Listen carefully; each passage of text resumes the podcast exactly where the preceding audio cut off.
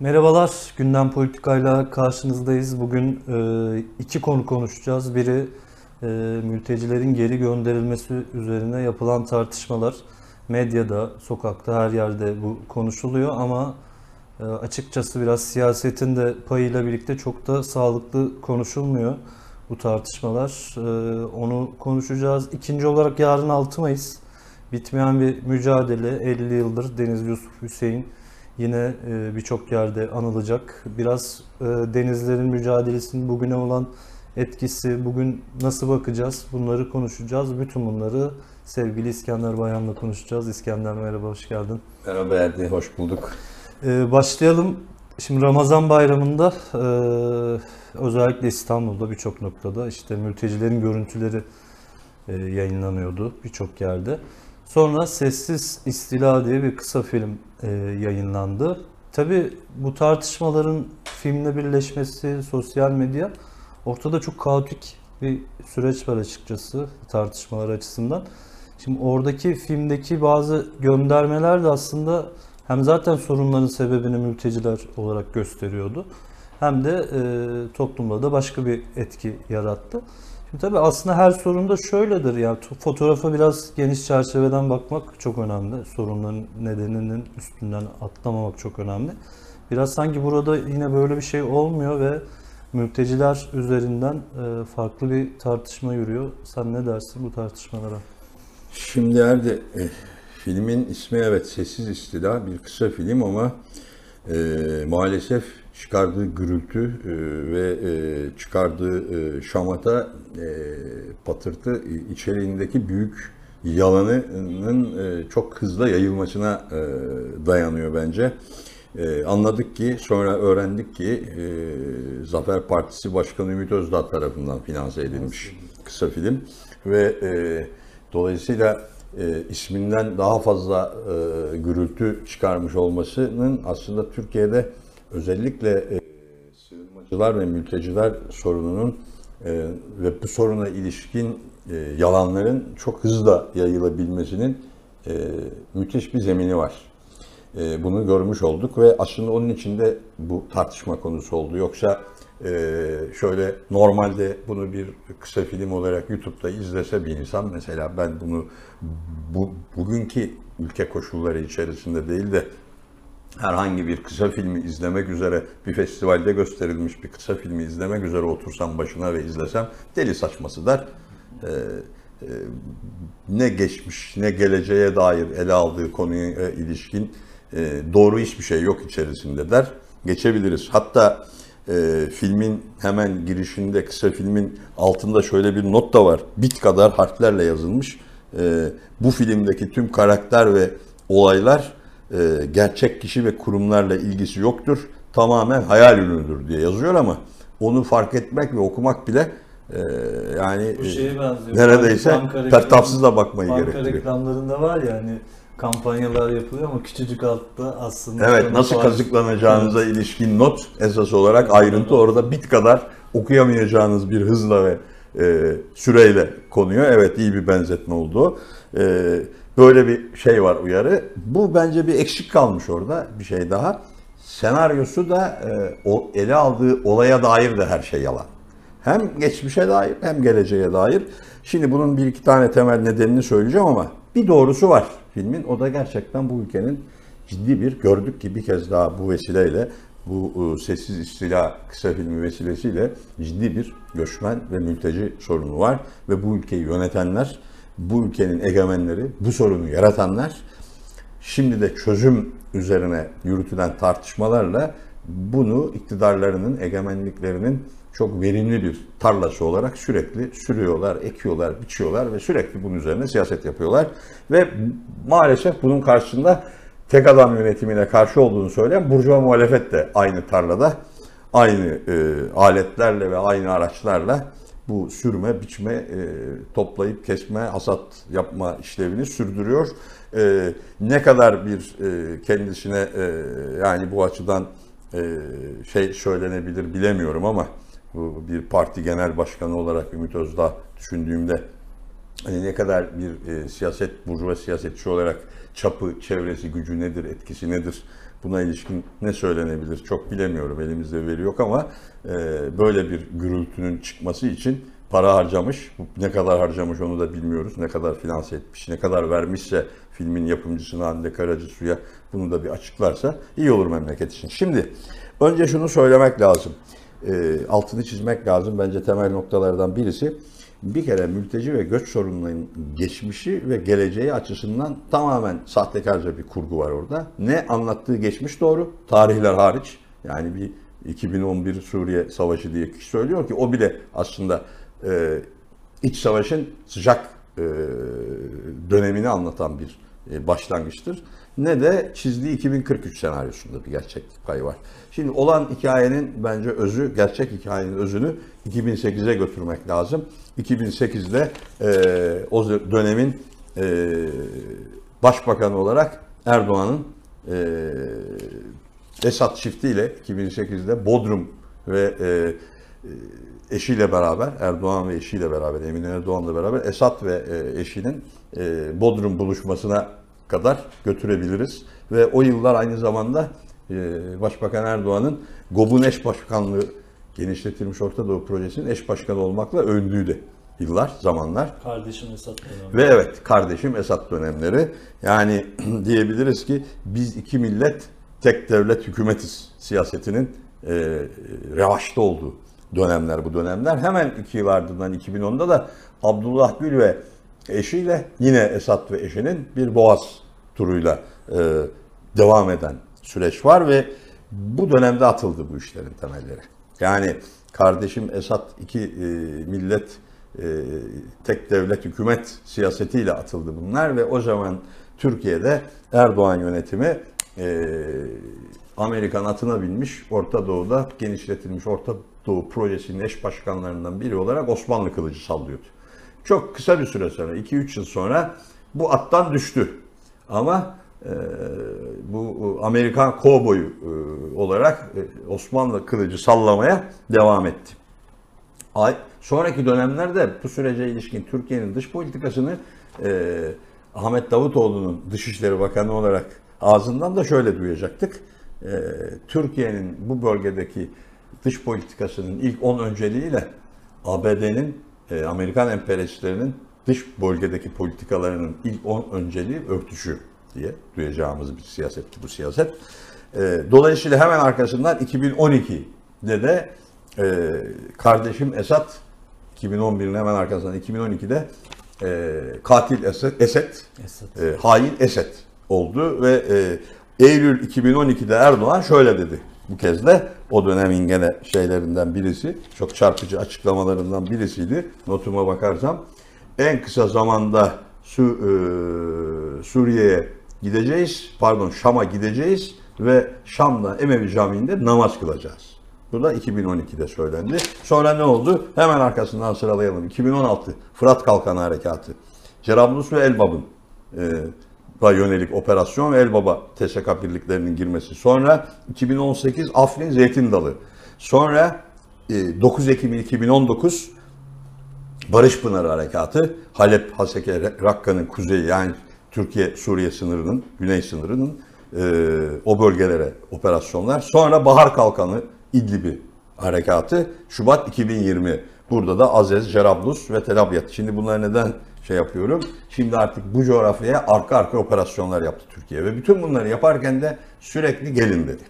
Suriye'de ve Suriye e, o dönem Suriye'de iç savaşı e, kışkırtırken ve doğrudan iç savaşın ateşini harlamak üzere operasyonlar yaparken oraya Özgür Suriye ordusunun desteklenmesi ve Suriye iç savaşının ateşinin harlanmasını temel dış politika olarak gündeme getirip bunu da yerli ve milli olarak alkışlatırken Erdoğan Suriyeli işçilere, emekçilere savaşın, iç savaşın mağduru durumuna gelmiş olan milyonlarca Suriyeli'ye de gelin dedi. Kapıları Açık açtık gelin dedi. zaten. Evet açık kapı politikası denen hikaye de böyle. Şimdi bu zemini görmeden bugün bu sorun nasıl ortaya çıktı ve nasıl çözülecek tartışmasını yapmak aslına bakarsan gerçekten uzaklaşmak anlamına gelir ve bu e, sessiz e, film Suriye'deki aslında saklanan büyük gerçek, gürültüyle saklanan büyük gerçek bu benim kronolojik olarak çok hızla özetlemeye çalıştığım hikayedir.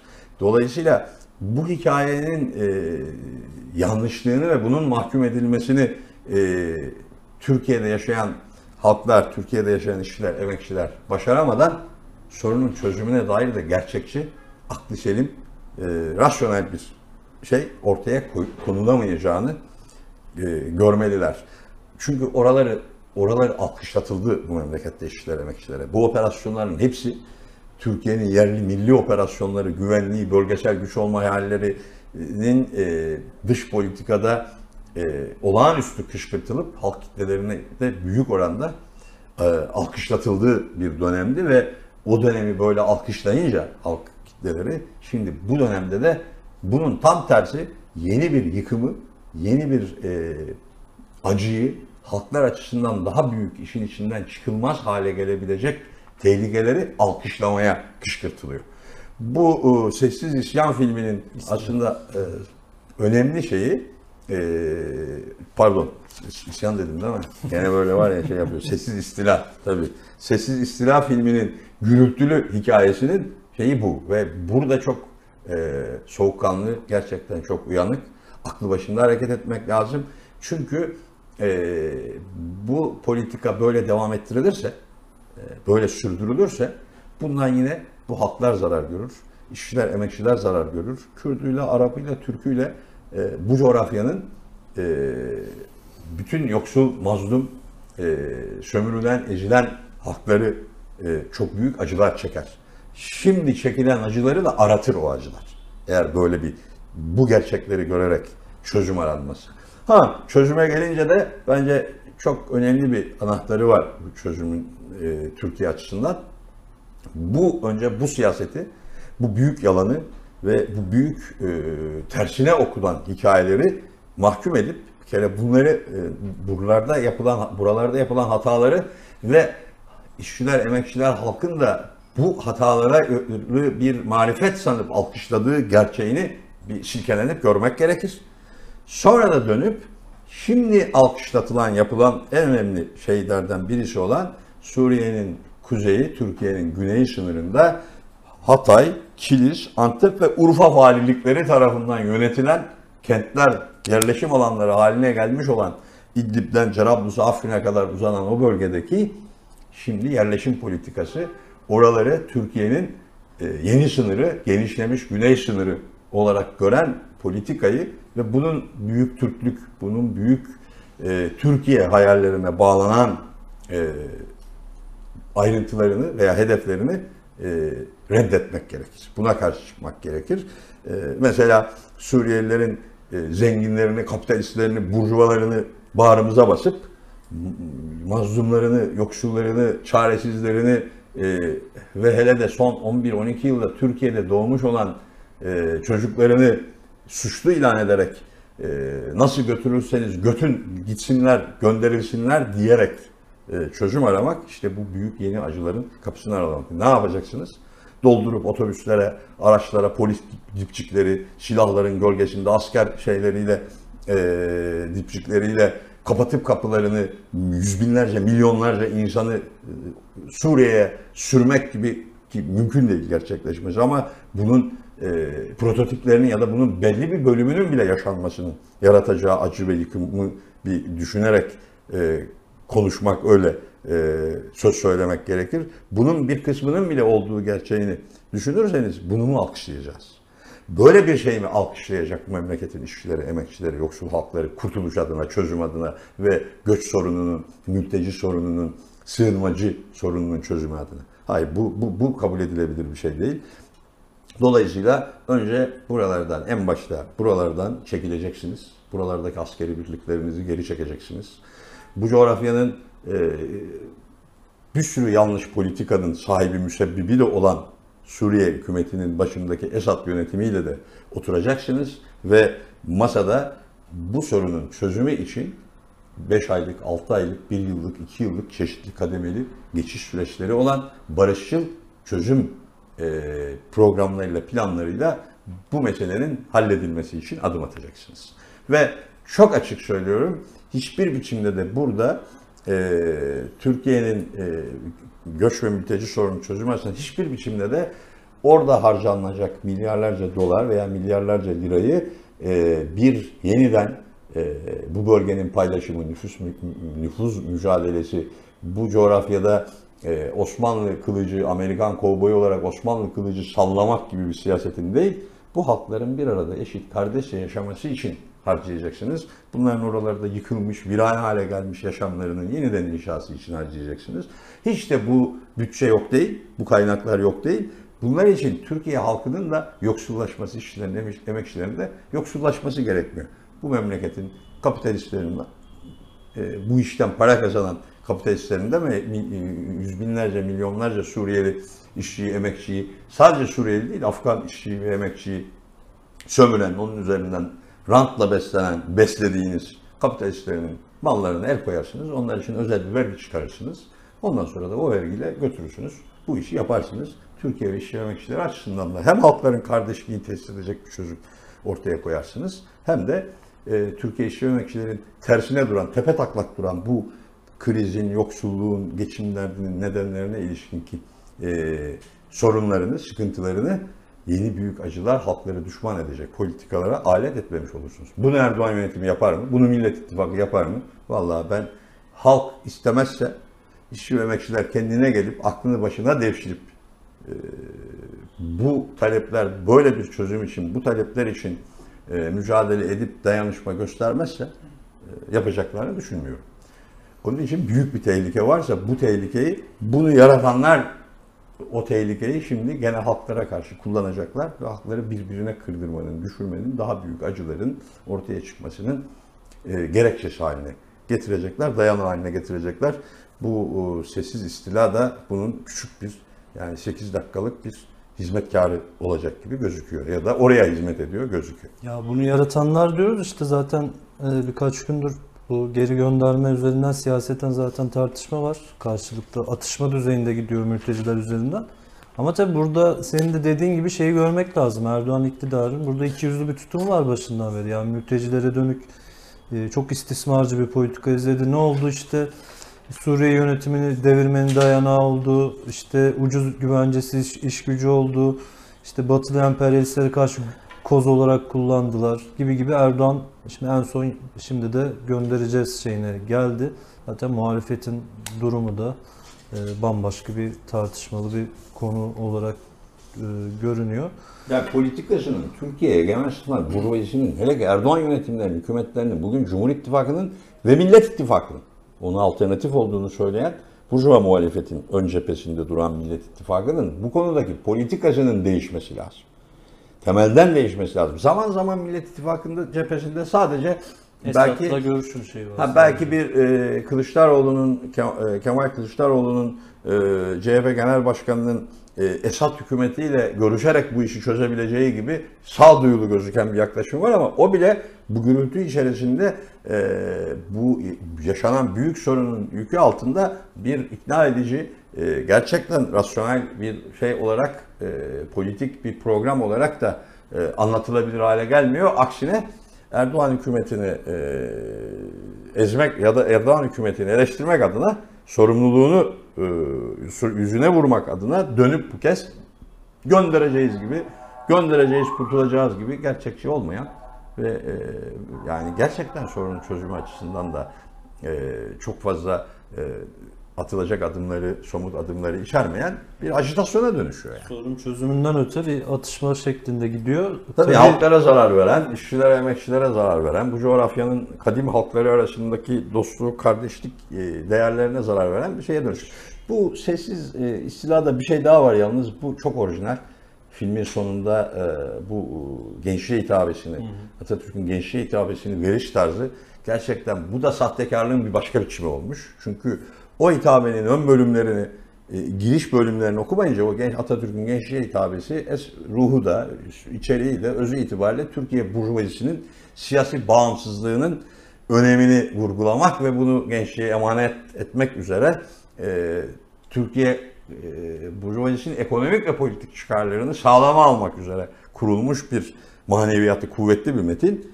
Ama o metinde de hemen tersaneleri işgal edilmiş e, emperyalistler tarafından nasıl yağmalanmış bir coğrafyadan bahsederek oraya geliyor o metin. Onu bile tepe taklak durduruyor. Yani onu bile alt üst ederek e, bunu yap e, böyle bir film şey üzerinden böyle bir insanların e, manevi duyguları üzerinde kışkırtıyor. Onları e, kendilerine zarar verecek bir temelde bir şeye dönüştürüyor. Yani hezeyana dönüştürüyor. Onun için o bile bence e, o filmin niyetinin ne olduğunun anlaşılması açısından çarpıcı. Bütününü okumak lazım.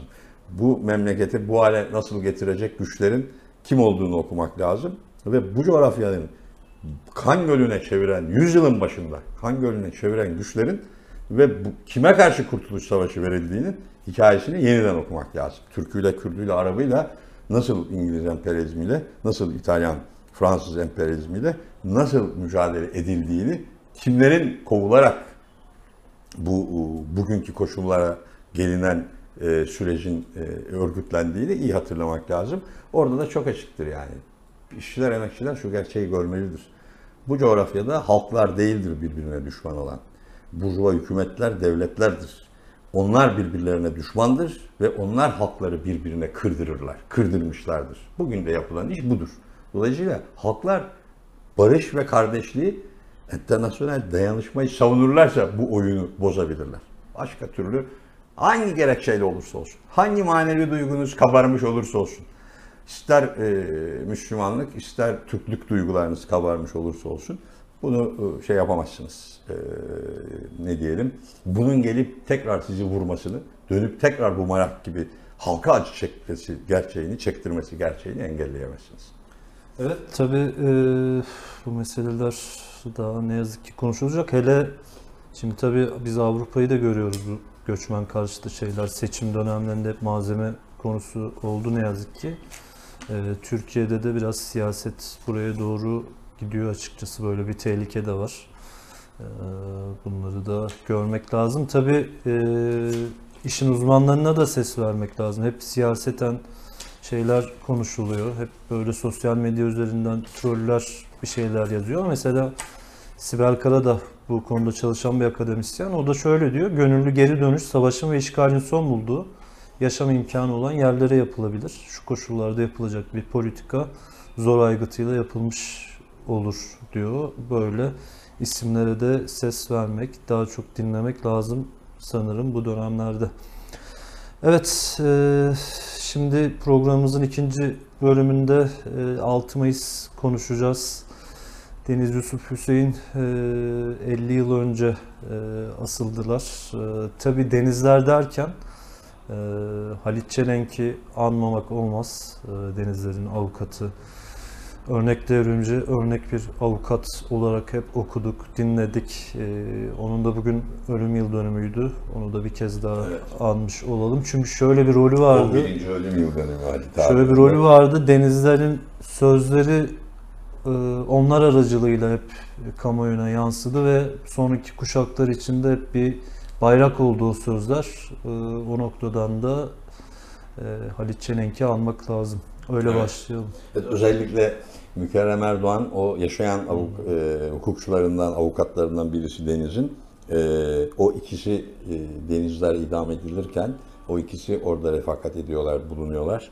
E, o a- a- o ağır zor saatlere, vakitlere ve orada Denizlerin e, Deniz'in, Yusuf'un, Hüseyin'in son sözlerinin kayda geçirilmesinde e, infaz savcısının ve oradaki infaz heyetinin e, yanlış e, notlarını düzeltip bugün o e, sembolleşmiş o son sözleri doğru okumamızı sağlayan ve bunları tarihe doğru e, not eden iki hafıza bu e, Halit Çelenk ve Mükerrem Erdoğan aynı zamanda. Çünkü onlar böyle bir riskin olabileceğini düşünerek konuşuyorlar ve ezberliyorlar o son sözleri.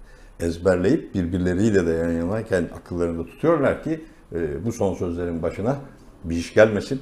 Nasıl söylenmişlerse öyle tarihe not edilsinler diye ve onu başarıyorlar birçok şeylerin yanı sıra. Bu da çok önemli bir tarihi e, bir tabi tanıklık. Bu açıdan da onlara çok şey borçluyuz.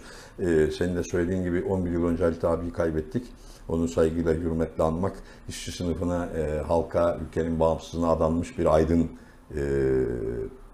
nasıl olmalı sorusunun pratik canlı e, hayatıyla örneği olmuş, yanıtı olmuş bir e, abimizi almak. Aynı zamanda yaşayan e, avukatlarından birisi olarak da Mükerrem Erdoğan'ın adını burada e, hatırlatmakta yarar var. Tabii herkes için bir Halit abi e, yani bir, şu an bir genç bir devrimci, devrimci için de Halit abi, daha orta yaşlı da için de Halit abi. E, Halit abimizi, Halit Çelenk'i bir kez daha anmış olalım. E, şimdi yarın İskender Denizler'in yoldaşları yine birçok yerde e, alana çıkacak. Gençler bayraklarıyla yine 6. filonun döküldüğü yere koşacak e, bir sürü taleple. Ve yine e, 50 senedir olduğu gibi mücadele sözü vermeye devam edecekler. Yani o yürüyüşün devam ettiğini gösterecekler. Biraz şöyle e, konuşalım. Yani denizlerin mücadelesi bugüne e, ne anlatıyor? Yani bugünden baktığımızda e, bu mücadele bu, bugünün güncelliği içinde, bugünün tartışmaları içerisinde nasıl bir yere oturuyor? E, sen ne dersin 6 Mayıs'ın 50. yılına girerken artık? Erdi tabii e, 50. yılında 6 Mayıs'ı ve 68 hareketini, o idamlara gelen süreci, sonra da e, o idamların ardından geçen süreci bugünkü güncelliğiyle bağıntısı içerisinde e, uzun uzun konuşabiliriz. Çok önemli e, bir tarihsel süreçten bahsediyoruz ve geleceğe, bugüne de çok önemli etkiler bırakmış bir dönemeçten bahsediyoruz tabii. Dolayısıyla ama ben bu ilk bölümde konuştuğumuz kısmından bağlayarak e, o konuya bu 6 Mayıs'ın e, güncelliğine ilişkin birkaç şey söylemek istiyorum. Birisi tabii e, halk sevgisi konusu. E, denizlerin ve Denizli Yusuf Hüseyin'i ve yaşadıkları dönem açısından da tıpkı o dönemin genç devrimcilerini e, İbrahim Kaypakkaya gibi, Mahir Çayan gibi e, genç devrimcilerini e, sembolleştiren veya onlara e, onları ayakta tutan, onları diri tutan, onları mücadeleci kılan e, ve onları e, ölümü göze alma pahasına e, bir davanın nefere haline getiren en önemli şeylerden birisi halklarına duyduk, kendi halkına duydukları, halkının bağımsızlığına duydukları, halkının yaşadığı yoksulluk ve e, çaresizlik, sömürü karşısında duydukları öfke ve oradan halka olan bağlılıkları. En önemli miraslarından birisi bu.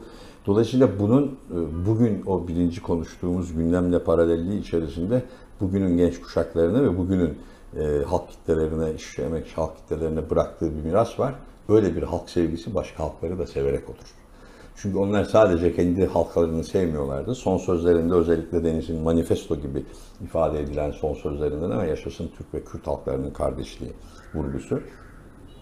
Bu, onların hikayesi de zaten doğru düzgün anlatılmıyor. Yani e, o, o da bugün baksak herkes kendi işine geldiği gibi başta Erdoğan olmak üzere, Cumhurbaşkanı Erdoğan olmak üzere, e, tek adam yönetimi olmak üzere oraları az kendisi için kullanmadı. Yani her tür burjuva siyasetçi işine geldiği gibi kullandı ama kendi halklarına olan sevgisi aynı zamanda bu coğrafyanın bütün mazlum, sömürülen, ezilen halklarına olan sevgiyle birleşen bir sevgiydi. En önemli pratik örneklerinden birisi de Filistin'e gitmek. Hem Filistin halkıyla dayanışma içerisinde olmak. Bugün Filistin için e, nutuklar atan bir yaklaşımla e, Filistin konusunda İsrail ile ticaret başka, para başka, kar başka, rant başka, faiz başka deyip ama öbür taraftan Filistin içinde gözyaşı döküyorum numaraları çeken anlayışla e, onların halk sevgisi arasındaki farkın görülmesi açısından bence çarpıcı, güncel boyutlarından birisiydi bu. E, mazlum halkları sevmeyen, e, mazlum halkların yaşadığı acıyı kendi acısı bilmeyen hiçbir e, insan, hiçbir e, aydın, bilim insanı, hiçbir e, siyasetçi e, kendi halkını da gerçek anlamda sevmiyordur. Burası muhakkak. Bunun altını çizmek gerekir. Bir diğer önemli nokta onların yaşadığı dönemin e, karakteriydi, özelliğiydi. E, iki belki birçok şeyin yanında iki nokta var orada dikkat çekilmesi gereken. Birisi gerçekten e, antemperyalist mücadelenin büyüklüğü, yaygınlığı, yükselişi ve bir de sosyalizmin sempatisinin, sosyalizme duyulan özlemin ve sempatinin büyüklüğü, yaygınlığı. Bu büyük bir avantajdı. Büyük bir, e, bugünkü güncel açıdan baktığımızda e, zorluklarımızı, mücadelenin ilerlemesinin zorluklarını bağımsızlık, demokrasi ve sosyalizm yolunda e, bitmeyen 50 yıllık yürüyüşün bugünkü zorluklarını anlamak açısından e, dikkate almamız gereken önemli yönlerden birisi. Ama ikinci bir nokta daha vardı. E, bu büyük e, sempati ve büyük sevgi, yükseliş vardı sosyalizme ve anti-emperyalist mücadeleye ama aynı zamanda da çok büyük de bir dezavantaj vardı. Büyük bir e, yanılgı da daha doğrusu büyük bir e, problemleri de vardı onların mücadeleye atılmış genç yaştaki devrimciler olarak, e, genç devrimciler olarak. E, o da e, gerçek anlamda işçi sınıfının bilimsel dünya görüşünün, diyalektik materyalizmin, Marksizmin, Leninizmin, bilimsel sosyalizmin ideolojik, teorik birikimine sahip olamamaları ve yaşadıkları çağda bu birikim adına, bu ideal adına tamamen buna ihanet etmiş, bunu aşmak üzere, bunu tahrif etmek üzere, e, bunu ters yüz etmek, etmek üzere e, egemen hale gelmiş, e, sosyalizm cephesine, Marksizm cephesine egemen hale gelmiş akımlar, düşünce akımları ve dolayısıyla bunları böyle bugünkü açıdan, e, önemleri açısından uzun uzadıya konuşmak e, elbette e, zor. E, vaktimiz de yetmez ama güncelliği açısından şunu söylemek lazım ki bugün Türkiye'de artık işçi sınıfının partisi olarak da Emek Partisi e, birçok kentte e, 50. yıl etkinlikleri açısından öncülük ediyor. Kendisini de çok açık bir biçimde bu 50 yıllık yürüyüşün bugünkü temsilcisi, o birikimin bugünkü sözcüsü, onu ilerletmiş, geliştirmiş ve geleceğe taşımak üzere de sorumluluğunu almış bir e, hareket olarak bunu dile getiriyor, bir parti olarak dile getiriyor. Burada da en önemli şeylerden birisi Deniz'in son sözlerindeki ifadesidir. Yani Türkiye işçi sınıfının ve bu coğrafyanın sömüren ve ezilen halklarının kurtuluşunun kendi bilimsel dünya görüşlerine, sosyalizme, e, diyalektik materyalizme, tarihsel materyalizme, bilimsel sosyalizme sıkı sıkıya sarılmalarının gerekliliğidir. Ve bunu aynı zamanda Türkiye gençliğinin de bugünkü yaşadığı sorunlar için, için içinden çıkamadığı meseleler içerisinde üstlenmesi gerekir veya sahiplenmesi gerekir. Bu açıdan bence çok çarpıcı ve yaşayan bir kısım var. Bir de son olarak şunu söylemek istiyorum. Bunlar genç öğrenci hareketinin genç devrimciler olarak tarih sahnesine çıkıyorlar, mücadelede yer alıyorlar. Bir sürü, çok kısa sürede, birkaç yıllık bir sürede büyük deneyimler oluşturuyorlar, birikimler oluşturuyorlar ve ama öyle kalmıyorlar. Aynı zamanda birer halk kahramanı olarak da tarihe geçiyorlar. Yani sadece birer genç devrimci, öğrenci gençlik mücadelesinin liderleri olarak değil, aynı zamanda gerçekten birer halk kahramanı olarak da gitmedikleri, görmedikleri, bulunmadıkları yerlerde bile kendilerine ait söylenceler anlatılan birer halk kahramanı olarak da tarihe geçiyorlar. Bugün de oradan öğrenmek lazım, oradan güç almak lazım, oradan moral almak lazım. Ve bugünün görevlerini, sorumluluklarını yerine getirmek lazım. Evet, yarın e, tabii 6 Mayıs'ın anmaların e, ve aslında sadece yarın değil, hafta sonu yayılan etkinlikler var. E, tüm detaylarını yine tabii Evrensel'de de e, takip edeceğiz, e, yansıtacağız. E, İskender çok teşekkür ederim.